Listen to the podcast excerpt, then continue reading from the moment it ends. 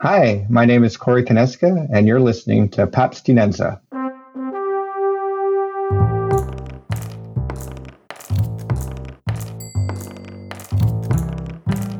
Så er det igen blevet tid til at byde velkommen til Papstinenser, din podcast om brætspil. Din studievært er Christian Bak petersen Velkommen til Fjerde Sange Papstinenser, en podcast om moderne bræt og kortspil, præsenteret i samarbejde med papskov.dk, hvor du kan finde nyheder, anmeldelser, artikler og anbefalinger, alle sammen om brætspil. Mit navn er Christian Bak petersen og med mig i studiet i dag, der har jeg øh, Peter Brix. Hej, hej, hej. Men folk, de skal ikke hænge på os så længe, Peter, vel? Fordi øh, vi er her kun lige for at lave en lille intro. Ja. Fordi i dag, der overlader vi, øh, vi mikrofonerne til øh, vores producer Bo, som for et par uger siden fik sig lidt af et, øh, et scoop, i det han øh, tog en, øh, en solid snak med øh, en af, i hvert fald en af Bos, ved jeg, øh, favoritdesignere, nemlig øh, amerikanske Cordy, og nu prøver vi, Korniska. Er det ikke meget godt ramt? Det, det lyder meget godt. Altså, Det lyder meget godt. ja.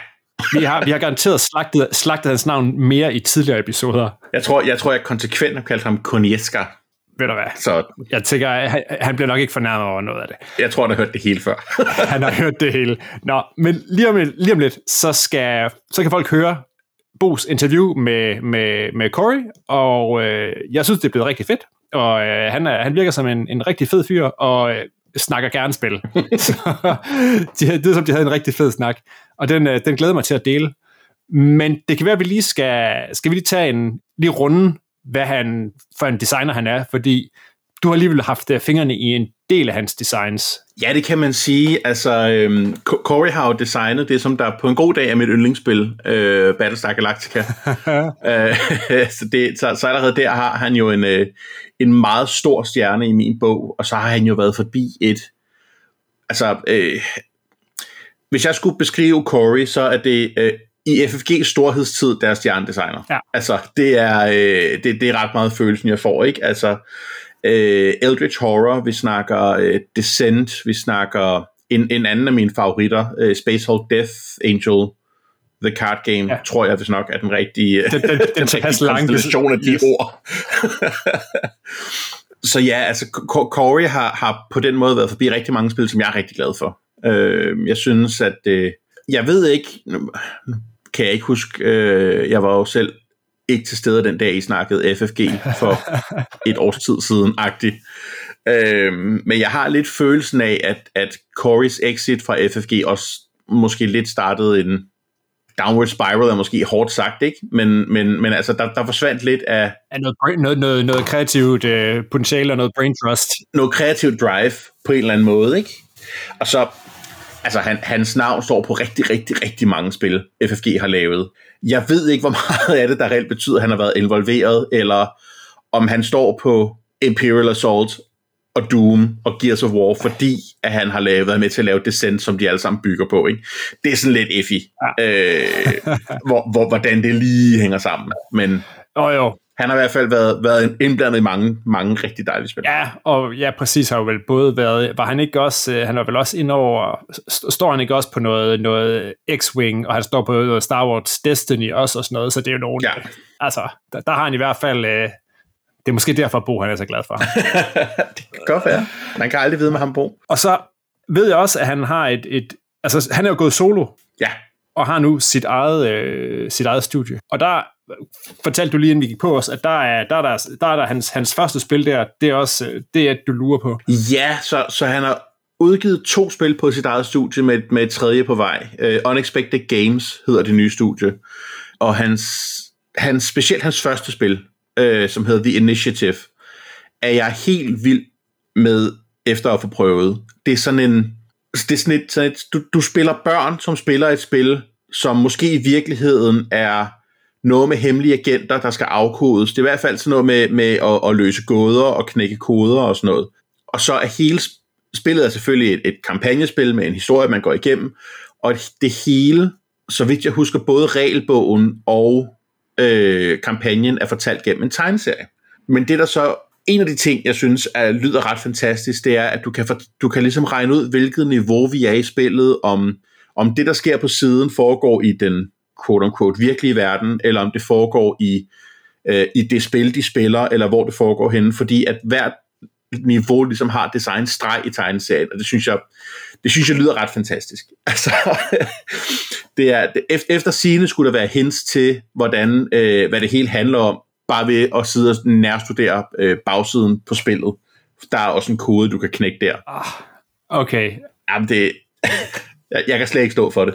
Så lavede han et spil, der hedder Voices in My Head, som hvis nok handler om en retssag, man har inde i sit eget hoved.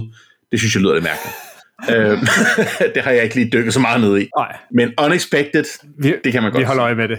Og det, og, og det lyder da om ikke andet, som han, han i hvert fald har, har sluppet de, kre, de kreative kræfter løs øh, efter at gået solo. Der er ikke noget, hvor han, han på nogen måde er, er, er hæmmet af, at det skal passe ind i... Hæmmet, hæmmet af en mærkelig licens. Eller et- præcis, præcis. Nej, nå. Ej, men skal vi ikke, øh, skal vi ikke høre øh, Bos interview med øh, øh, total kreativ og øh, alle tiders designer Corey Koniska? Lad os gøre det.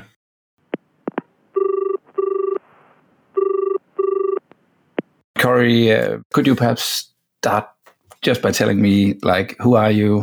Where do you live? How old are you? Um, a little bit about myself. Uh, my name is Corey Konieczka. I've been a professional board game designer for about the last 15 years or so. Uh, I'm 40 years old myself, and I've been, I mean, playing board games as far back as I re- can remember. Um, I, for perhaps most well known for designing games for Fantasy Flight Games. Yeah. Um, I was designing games there for the majority of my career up until uh, 2019 Yeah. that I spun off to uh, create my own studio here and just uh, been making games because it's it's my passion and I love doing it. Have, have you played ever since you was a kid? I'm guessing you have, but is there a story like going all the way back? Sure. I mean, we always had board games around the house as kids, and I've got two brothers. I've got an older brother and a younger brother, and we would would play games together. Sometimes, like the whole family, we would play something, um, or sometimes just just us, the kids. Uh, two games in particular stand out from my childhood. The first one was Hero Quest. Yeah. Um, I remember getting that for I don't know if it was a birthday or Christmas or what it was, but um, me and my brother got really into that. My younger brother, we played that game to death. Um, and the second game that uh, I have fond memories of is Sid Sackson's Acquire. Yeah. And the reason why that stands out to me is that it was, I feel like it was one of the first um, kind of hobby style games that I remember playing when I was younger. So, I mean, we had all the staple games. We had like Monopoly and Risk and stuff like that. Yeah, yeah. But my dad had a copy of the original Acquire, the 3M bookcase Yeah. version or bookshelf version. It's from Um, 63 or 4 or something like that. Yeah. Yeah, yeah. He still has that copy. Um, and that was one of those games that um, when it was my chance to like pick a game for the night, I'd be like, Dad, can we play that one? He'd be like, okay. Yeah.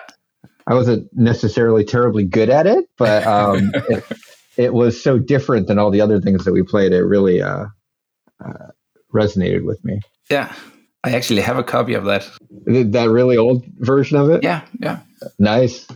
It, there's a little like a, a little uh, like like like a little room in my in my uh, collection of board games for these older ones, like a first edition of Dracula or and uh, uh, yeah, these old like more or less Games Workshop games, all of them, I guess. sure. But yeah, so two brothers and a lot of Hero Quest. Yeah, absolutely. Yeah, And I mean, one of the things that always stuck with me, even at a young age, was that we were always like making up our own rules, making up our own games.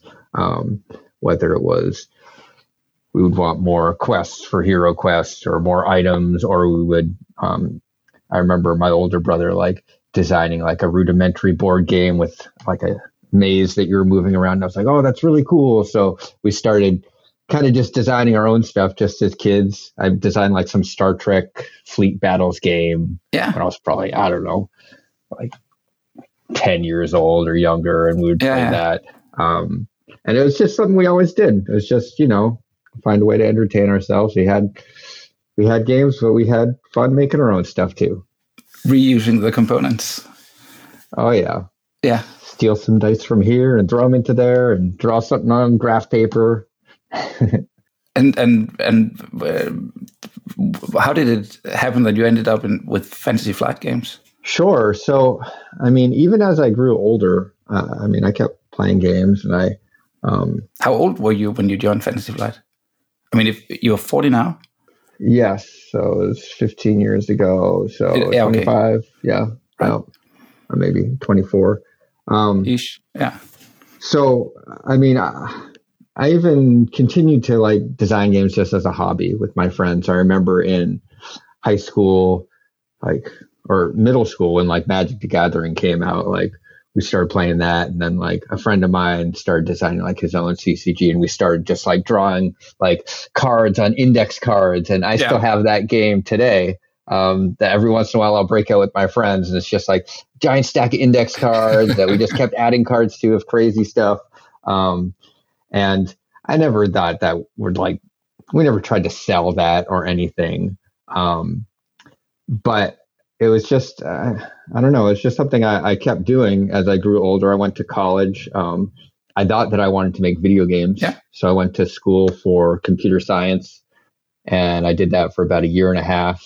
And I, I left. I'm like, no, I can't do this. I'm going to spend my life programming bank software or something. And that's fine if that's what you want to do, but it wasn't my passion. yeah, So I went back to school for graphic design, Yeah. um, figuring I could use computers, which I liked, and I could be creative.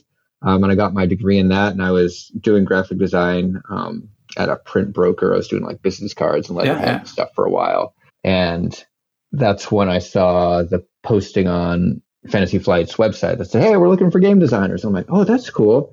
I do that for fun. Yeah. I wonder if I could turn it into a career." why not? And so, yeah, I mean, I, I still kind of made games with my friends. I'm like, hey, try out this new game that I put, made. Um, and I never really thought I could turn it into a career. Um, at the time, I actually had um, just bought Twilight Imperium third edition. Yeah, And me and my a friend of mine, we were making like some optional rules for Twilight Imperium. We were like adding new objectives and different sorts of stuff. And um, I posted it on Board Game Geek and whatnot. And then I saw this job posting. I'm like, oh, that's cool. So I I applied to the job and I sent in kind of my homebrewed expansion to Twilight Imperium. Wow. I said, here's something I've been working on. I had no idea that the creator of Twilight Imperium would actually be the one reading my resume right, and critiquing it. I, I might not have sent it if I had known that would be the case. But apparently it didn't scare him off. Uh, I didn't hear back for like a month, maybe two months. I just figured that that I hadn't gotten yeah, a call back. And then out of the blue, I got a call and said, Hey, we'd like to fly you out to Minnesota for an interview. And I was like, What? Really? what? That's Yeah. awesome. So rest is history, I guess. It, it became history. Yeah, was that Christian uh, Petersen? Yes. Yeah. So um, there was him and, Greg Benage was kind of the board game manager below him. That was uh, the one that called me. And so they were both kind of in my interview asking me questions and grilling me over my ambitions and all that fun stuff. Great. So, what's it? I mean, what, what do you do the first day when you're hired as a game designer? Uh, was it kind of already in the interview, sort of? Okay, so you, we would like you to come up with things, or was it even you pitching? You know, why don't we do this or that, or how does that? Oh, it's definitely not me pitching. I mean, it Okay. was it was years before I was able to pitch my own game. Right. Um, so the first thing that I did, first day on the job at, at Fantasy Flight Games, um, they were working on the World of Warcraft board game, Right. and there was maybe a couple of months, like two months left in development. So like the core game was designed, like Yeah. the rule book was written. They were doing like layout and stuff, still getting some artwork. Um, and they said, all right, well, we need to design more bosses. We need to design more equipment for this game. And so that was kind of my first job was like designing cards Right. for the World of Warcraft board game. Yeah. So my first credit was in a World of Warcraft game and I was over the moon. It was awesome. But I just remember sitting there at my desk, just rolling piles of D8s and like looking, like doing fake battles. Yeah, yeah. like, uh, yeah, that's too powerful. Let's let's tweak that. Yeah, let's turn down that. a notch. okay, that's about right. and then uh, me and I was working with John Goodenough, one of the other designers at the time, and so he was he was designing one thing, I was designing other things, and then once we were kind of in the same place, we're like, okay, well, let's try actually playing. Sort of like Yeah. print out cards, cut them out, and go down to the break room and roll out a map and try playing a game and see if what we had made worked or not. Well, actually, Corey, um, that's a beautiful segue into something that I want to ask you about because uh, I think it's fair to say that you have created some complex games. Yeah. And I would like to talk to you a bit about like balancing games from a designing perspective. I can I can easily imagine, and I, I sort of love the image of you rolling uh, d8s, trying to see okay, so how bizarre or you know how overpowered is this or that. Mm-hmm. Mm, but it uh, I, I've played quite a, a few of your games, um, uh, and and one thing that I uh, I was uh, thinking of just last week was Imperial Assault. How do you even begin to balance a game like that? Mhm. Is it a miracle that it works, or is it quite you know designed to do just what it does, or how can you? I mean, I can somewhat understand that you can create a base game, but then when all these kinds of expansion comes out, and new characters, and you can do this or that, Mm-hmm. is there even like a spreadsheet way of approaching that, or is it more luck, or how would you describe it? Sure. Try and I mean, when it comes to balancing a game, it's it's tricky. Yeah. Because especially when you're working on um, the base game and not an expansion, you don't fully have a game yet, right. and so you don't necessarily know if anything's overpowered or underpowered. And so up until close to the end, it's it's difficult to have like what levers you have to push and pull on Sure. when you're making an expansion, you have kind of the past that you can compare to. Like, Yeah. well, I can't design this card because it's it's obviously just that same exact card that already exists but better. Yeah. Um, or it's this character but worse. So why wouldn't you? Yeah. um, why wouldn't you just pick that character? And so the base game, you're kind of setting what the baseline is going to be. What's Yeah. what's the average power level? Um, and some of that you can try to balance in like spreadsheets and stuff as a starting point. Yeah. Like if you if you've got some sort of resource system, you can say, all right, well, all right, here's how much a resource is worth for your attack or your defense or, or whatever it is. Yeah. Um, and then you can you can have like a starting point, but it's never that easy. Um, you might use that for like your first prototype, but then it's just playtesting. You're Okay. just playing with people, and some people are like, "Oh, that card's too good," and so you might make it a slightly weaker in the next iteration, or they say that card's too weak. I mean, right before this meeting, um, I was in a file with a bunch of cards, going through some notes from my last playtest, and then the list was basically: this card's too weak, make it more interesting. This card's too powerful, make it make it more balanced against these other cards. Yeah. And so, um, it's it's just iteration. It's just Okay. play it, play it, play it. And then after I've played it with my friends and my coworkers or whoever a gazillion times, then we send it out to our external play testers. Yeah. And they're going to have their own perspectives. They're going to have their own strategies. And hopefully they find things that we never thought of, combinations of things that we hadn't tried Yeah. or some of it's perception too.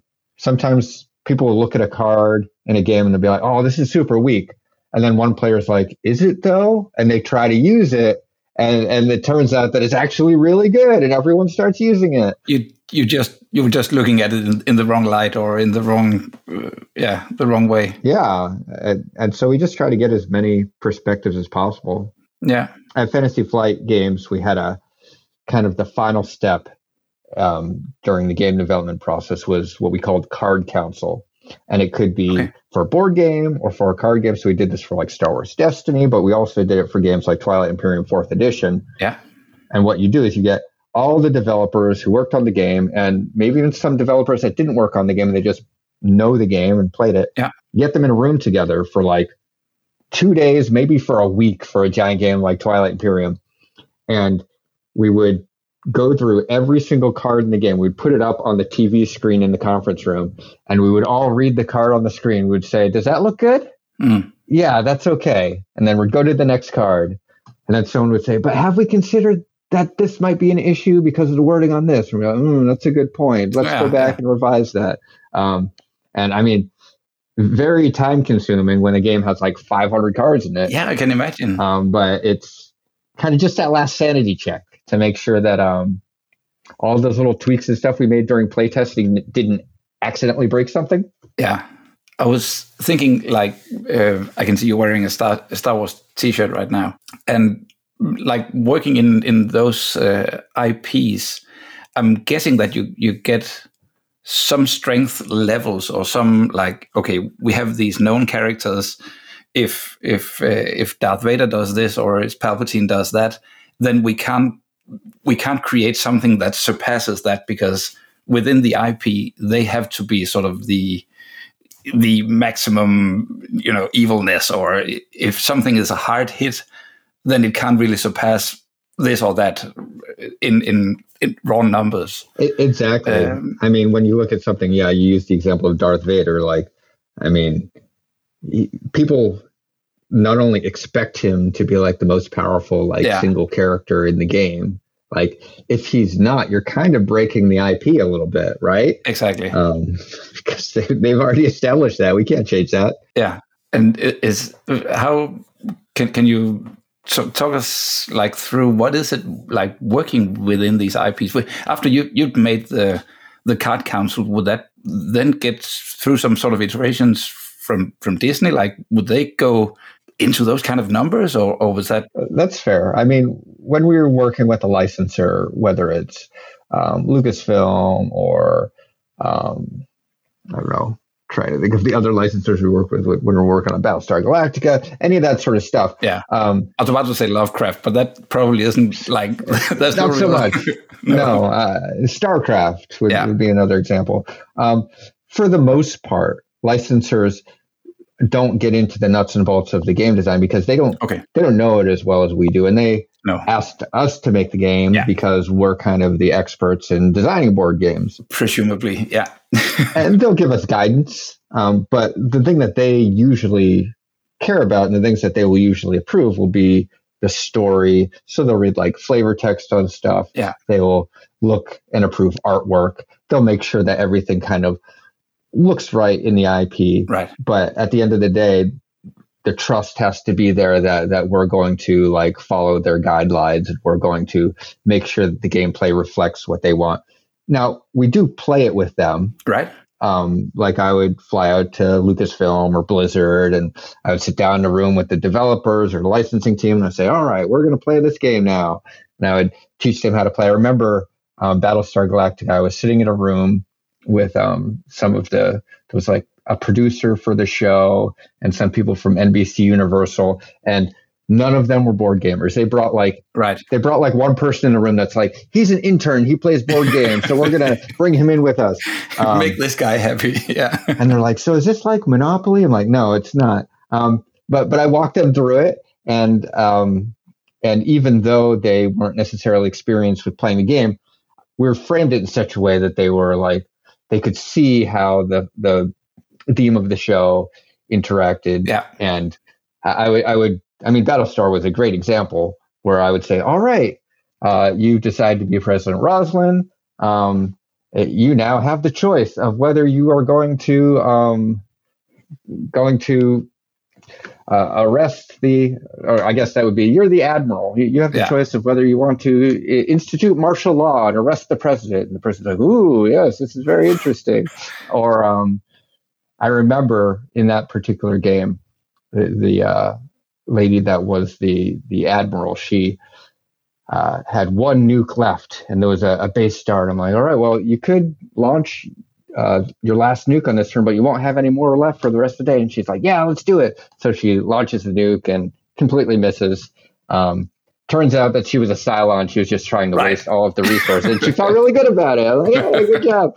Um, and that's ultimately they just want uh, a licensor just wants you to be true Yeah. to their brand. Yeah. Um, and if you're enthusiastic about it and you're showing them that that you love it and you understand it, then you can kind of build that trust that that you're gonna make it correct. But your your list, Corey, of of IPs is like tremendous, right? It, it's you mentioned World of Warcraft. Uh, we have, of course, Star Wars, Battlestar Galactica. Uh, you've made some amazing uh, Cthulhu games. have you? I mean, I, am guessing games become better when you love the universe that they play in, right? You, you. Oh yes. Have you have you ever worked on something that you really didn't care about, or like, yeah, okay, it's a game, but I'd rather set this in a different setting? Sure. I mean, so every some games that I worked on, I was more excited about the IP sure. than others. Like I, am a huge, huge sci-fi fan, so yeah. you hear me talking about Star Wars, Star Galactica, and StarCraft, and all these things. Um, and, and I love horror stuff too. So all of the Cthulhu things, and yeah, there were there were some things that were I was maybe less excited about. Um, like for example, I was asked to design one of the expansions for the Game of Thrones board game. Huh. Um, it was the second or third expansion, third expansion, Storm of Swords. Yeah. And I had never read any of the books. No, um, it was just like fantasy you're, stuff. You're a designer. Um, you you get to get to know this IP and design a an expansion for it. I'm like, okay.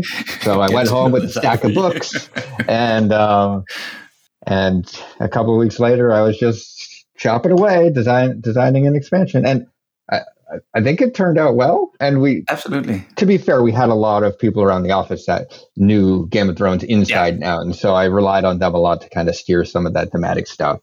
Um, and it was a third expansion. So at that point, um, it'd be a little difficult for me to mess it up, I think. Right.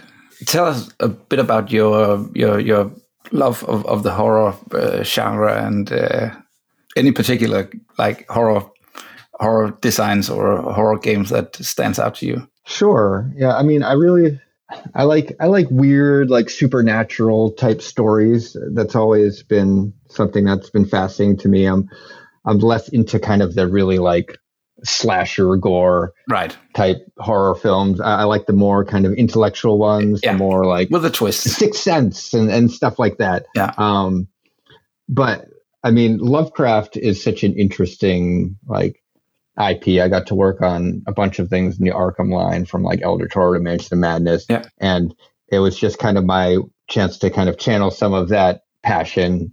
Um, and I mean, one of the things that stands out with those games is the way that it handles sanity. Yeah. Um, and that you have kind of two health resources. And that dates yeah. back to like the Call of Cthulhu RPG back in the day. But I remember playing there was this video game for GameCube back in the day called Eternal Darkness. I don't right. Very obscure game, but it was it really stuck with me because the first game I ever played where you had a health bar and a sanity bar. Yeah, okay. And as you started running out of sanity, the game would start to mess with you. Right. Like it would if you ran out of sanity, like all of a sudden like your screen would like look like it turned off and you're like what? I lost what? power. Yeah, i didn't save happened? it what the heck's going on? But it didn't actually turn off. It just pretended it did. Right. And so do all these like crazy things to mess with you and that really like stuck with me. Yeah. And i was like that's really cool. And so when i got a chance to work on lovecraft games i i definitely wanted to channel some of that stuff. So uh, Eldritch Horror was uh, i think maybe the first one i got to work on that was like i really loved Arkham Horror Second Edition by yeah. Kevin Wilson, Richard Launius. Like that game was amazing. It really opened my eyes the first time I played that. I'm like, whoa. Um, and I was asked to kind of take their game design and turn it into like a globe spanning version of that. Yeah. And so I, I, was in the fortunate spot where I could borrow all of the best parts of their game design, add in kind of the things that I wanted, and that's the game. Um, that's pretty much where it came from. You you mentioned uh, uh, like other designers, and I can see like from the the, the box art of uh, a lot of the games that you've worked on that other people have been involved as well. Do you typically play like the same role on this kind of teamwork, or have have you been paired up with other people through Fantasy Flight, or tell us a bit about co-creation? Sure. I mean, it would vary. So I would say one example would be some of the games that I co-created with Christian Petersen. He would come up with some ideas for some mechanics. Mm-hmm. So StarCraft, the board game, he's like, all right, I like the idea of a StarCraft game where it spans multiple planets and instead of just being a single battle that you're playing. Right. And he also liked the idea of, well, what if we took the um, the order tokens from Game of Thrones and instead of placing them on regions, you actually like place them in stacks. Yeah. And then you resolve them going down the stack. And so that was basically like the two the two mechanics that he designed. Yeah. And he said, "All right, use those mechanics in a StarCraft game." Okay. And I said, "Okay."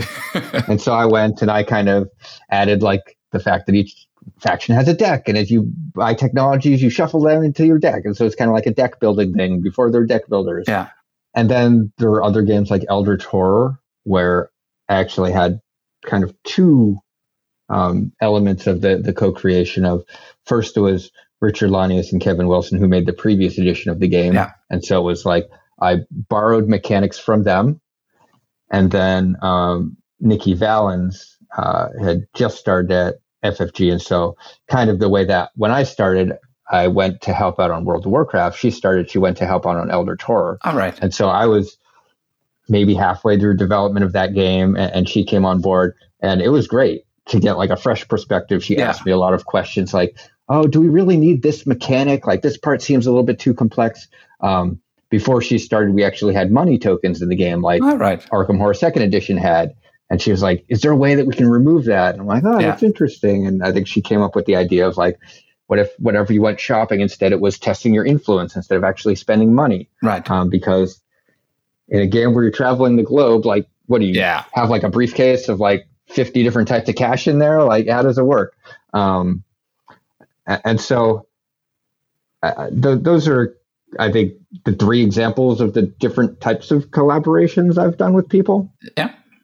And do you enjoy that, or you have created some games like from the ground up yourself, or and you have co-created with uh, other people? But what is there pros and cons? Um, I mean, when when you've got a team of people, it, it can be difficult to Yeah. make everybody happy, right? Sure. You get the saying goes, you have too many chefs in the kitchen. Mm. Everybody wants it to taste differently, Yeah, yeah, and so you end up with something that's just kind of bland. It doesn't make anybody happy. yeah, Um, and, and I mean that's that's always a danger. But I, I think I was pretty fortunate in the kind of collaborations where I was able to um, contribute in um, a meaningful way. yeah. Twilight Imperium Fourth Edition is another great example where, so it was a previous edition of a game from Christian. Dane Beltrami was actually the head developer on it, and I was just kind of the executive game designer for the studio at the time. So I wasn't actually working directly on the game, Mm. but I had worked on the expansions for third edition. I knew the game inside and out. I kind of knew what Christian wanted from a new edition of the game, and so my job was more of like Yeah. steering the direction from like a high level while he was doing all the detail work. And there were a couple of like specific mechanics that I added to the new edition, like um, what was it? Oh, the the way that the um, faction sheets are, and in third edition. There was a lot of math whenever you went into battle. You're like, oh, this ability gives me Right. plus one. This one gives me plus one. So I've got plus two to my roll. Um, and I was thinking there could be a visual way that we could represent upgrades without having to like Yeah, yeah, constantly be adding stuff up and sometimes overlooking things. And so that that was one of my main contributions to the new edition. And I mean, it's all fun. I, I don't I don't necessarily prefer one more than the others. It's a little weird in my position now because I'm basically a one person studio. yeah, yeah, yeah. And so um, I do all the design and development work myself. I play with a ton of people. I've got a ton of play testers. I still have, I'll even sometimes play test with some people at FFG and, and various things, but it's all the pressure falls on me. And so it's, it's, Sure. uh, it can be more stressful that way. I'm sure. So tell us about uh, um, uh, you broke away from Fantasy Flight. Uh, I, I actually remember like reading that press release and going, "Whoa, Corey, Corey is leaving uh, uh, Fantasy Flight Games." What are you up to now? And uh, give us a, a bit insight on on unexpected games. Sure. Yeah. I mean, when I left uh, FFG, like there was no bad blood between us. I've been there for a long time, and I, I just Yeah, yeah, yeah. felt like a change. I, I had made a lot of FFG style games. I had basically notebooks full of ideas for games that just weren't a good fit for FFG. Right. So I talked to my boss and I said, "Hey, what do you think of me starting up a new studio um, that focuses on kind of innovative, kind of out of the box, kind of crazy ideas? And uh, he said yes. So I kind of spun off into my own studio. Yeah. Uh, I moved halfway across the country. So I, Yeah. I moved to Minnesota to uh, work at FFG. Um, but part of uh, the reason to do this was I wanted to return back to the East Coast where all my family Yeah. was. Um, Yeah. And so that was great. So we moved back here. And um, I mean, uh, uh, my goal with Unexpected Games is I want to be making games that aren't going to replace something that's already on your shelf. Like, you probably already have a favorite dungeon crawl, right? I'm never going to be able to usurp that. And there are a hundred other people trying to Yeah. uh, let let them let them try.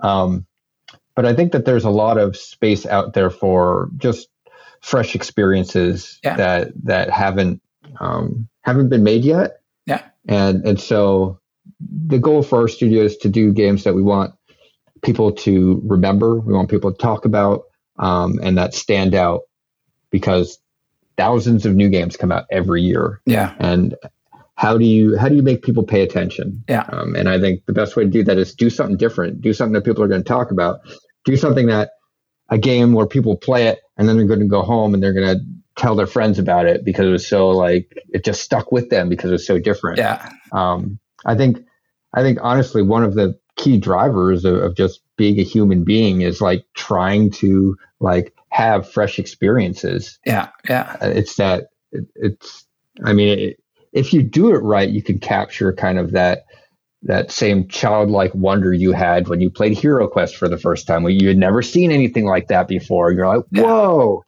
I mean, Is that even a t- possible? yeah. is that possible? It's a tall order. It's it's it's daunting. Yeah. I mean, I've got a shelf full of prototypes that I threw together here that I'm like, this sounds interesting. This sounds different. Yeah. And I mock something up, but I play it and I'm like, yeah, that was different. It wasn't any fun though. uh, let's try something else. Mm, yeah. So we've released two games so far, and I feel like they both have established kind of what we're trying to do. Yeah. The first game was the initiative. Yeah, you got you got a copy of it there. Nice. picked this one up last week just because I was about to talk to you now. So I, I I'm looking very much forward to. it. I haven't had, had it on the table uh, just yet, but can you now that I have bought it, perhaps I, I can get you to tell me what is that? What is it that I've bought? So uh, it's it's a game of three layers, and that's kind of the best way to describe it. yeah. It's so the first layer is the story, and the story is that it takes place in the mid '90s. There's four um, teenagers that find a board game at a yard sale. As they start to play it, they realize that it's kind of mysteriously connected to their lives Okay. and they're trying to figure out what the heck is this weird game that we just bought. Um, the unique thing about that is the story itself is told in comic book form. Yeah. So we actually have a 48 page comic book in the box. And before each mission, you read a page of the comic. It shows what the kids are up to in their daily lives, how it, the game ties into it. And then you actually sit down, you play the board game that they bought at the yard sale. Right. And so this game, it's like a found game at a yard sale. And so there's like in the rule book, there's like strange messages written in the margins from the previous owner of the game. Yeah. Um, there's some components that aren't even described because there's like maybe a page missing or Okay. something missing from the rules. There's um, there, there's many layers of mystery to to that like found game, and kind of as you play through it, you kind of unravel more answers to like um, what this game is. Right. Have that idea like been with you for a long time, and, and you you sort of had to go out as an independent game studio to you know sort of force yourself through creating that, or Yeah, Yeah. yeah. That was that's a game that's just been kind of noodling in the back of my mind for years and years. and I, I can almost hear it when you describe it. Yeah. and yeah, I, I think the biggest inspiration was uh, there was this book by J.J. Abrams and somebody Dorst um, that's called S, the Ship of Theseus, and it's this book that looks like a book that was stolen from a library. It has like a sticker on the outside of it and stuff. Right. And inside the book, there's all these things like inserted into the pages. There's all of these notes written in the margins from the people checking out the book, and they're having discussions with each other, like Right. talking about the mysterious author of the book and the margins. It's totally fascinating Yeah. and it, it was definitely a main inspiration for the game. And, and so, like, I had I had kind of those two levels in my head, and then I had to figure out, well, what is the game? Like, what are you actually doing, right? Yeah. Yeah. yeah. And so, the third layer of the game is um, is the actual gameplay, and it, it's um, it's kind of my love letter to um, code breaking and cryptography. Yeah. It's it's a game where you're playing as these spies that are recovering like um, pieces of a cipher, and you're kind of traveling around in these dangerous places to um, basically crack codes. Right. But unlike a pure deduction game or a pure like escape room game like Unlock or something, there's um, strategy to it. Mhm. It's not just um, solve the puzzle. It is all right. There's also card play involved that you need to work together to play your cards in the right order so that you can get around the board, so that you can evade traps and collect the tokens, so that you can have enough information to solve the code. So what we found was that it actually appeals to people who like puzzle solving, but it also appeals to people who don't necessarily like that. So like one of my playtesters was saying, he's like, I'm not really into like those unlock and those puzzle solving games, but the rest of my group is. Yeah. But that's fine because I could focus on the strategy aspect and I could strategize like the best way to get around the board. Um, and they could focus on the code breaking and the and the puzzle solving. Yeah. And um, I feel like that's kind of unique in that most games kind of sit in one camp or the other. They're either Yeah. a strategy game Yeah. or a puzzle solving game. You don't usually see both. Corey, it one thing stands out talking to you is that you're a man of like many melodies, right? I think I have other uh, like designers where when they come out with a new game, you and I in all the right ways. I in- intend to say this as a compliment, but other designers where you would sort of know, right? This or this guy have come out with a new game then we already know what it's like, right? It, it's ah okay, so he has mhm, probably refined this or that mechanic. We are now about to see, you know, something more in this or this regard. And as a compliment, I don't think that's possible with your games. Am I right? Uh, yeah, I mean, I feel like I've made kind of a, a, pretty broad yeah. library of games. it's not the same settings like it's not the same mechanics it's not the same experiences necessarily and Sure. i i, I think that's impressive in in the intention in the most intense sense of the word that's impressive Thank you. I mean, I think it just comes with like I don't want to be complacent, but I also like don't want to retread old ground. Like I am always excited by new stuff, but I'm also my my tastes have changed over the years. I mean, I've Yeah. got like I've got a kid now, and so I'm playing different sorts of games when I'm playing games with the family. Um, I don't necessarily have eight hours to sit down and play Twilight Imperium. um, i played star wars rebellion last week Oh, I'm jealous. That's when people ask me the question of what's what's one game of yours that if one of your friends said, "Hey, I want to play one of your games," which one would you jump at the opportunity to play? And Yeah. it would be Star Wars Rebellion. yeah It's weird making games because oftentimes you don't actually play the game that came out. yeah And by then I've played the game a hundred times. It's like, oh, I'm so sick of playing this game. yeah I love it, but I know it like inside and out and yeah and so the second game for our studio is very different, and that just came out earlier this year. It's called Voices in My Head, yeah and it was important with our second game to not just make another cooperative puzzle solving game with the campaign. Like uh, if we had done something that was very similar to the initiative, then I think we would have labeled ourselves as, oh, it's the studio that does this type of game. typecasting thing yeah Yes, and so this game it's a it's a competitive game, um, and the story is that um, a man has robbed a bank, and he is on trial for robbing that bank. right Ri- rightfully right We all know that he did it, but the prosecutor, so one of the players is the prosecutor, and they need to prove that he did it. So Hmm. they need to convince the jurors that this man is guilty. All the other players play as the different emotions that live inside him that are kind of pushing and pulling him. Right. So it's it's kind of like the movie Inside Out that Pixar Sure. did. Um, one player might be honesty, and so you've got a, per, a secret goal, and your goal is you want him to tell the truth. So he he has to tell the truth enough to convince so many jurors that he did commit the crime. Somebody else might be selfishness, and their goal is like Right. no matter what happens, don't go to jail.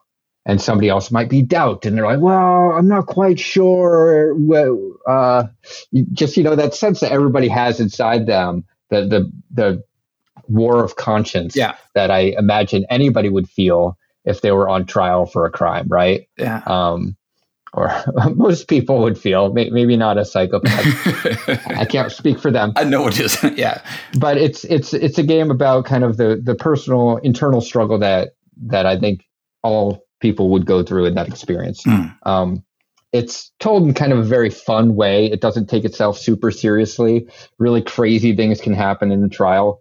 And there's a unique mechanic where in the center of the board is actually Guy's brain, and there are different regions of his brain. There's the motor skills, the speech region, the observation region, and you're placing uh, tokens on the board to try to take over these regions. So if I have control of the speech region, it means that anytime the prosecutor asks me a question on the asks guy a question on the stand, I'm the one who gets to answer the question because I have the control of speech. And somebody else might see what I say while I'm on the stand, like, whoa, whoa, whoa, whoa, hold on a second, hold on. and so now they're going to try to take speech away from me because they certainly don't want me opening my mouth again Right. um, that would that would be a disaster for their strategy. And so it's got this interesting kind of three dimensional board where you're pushing these tokens into regions and kind of knocking other tokens off.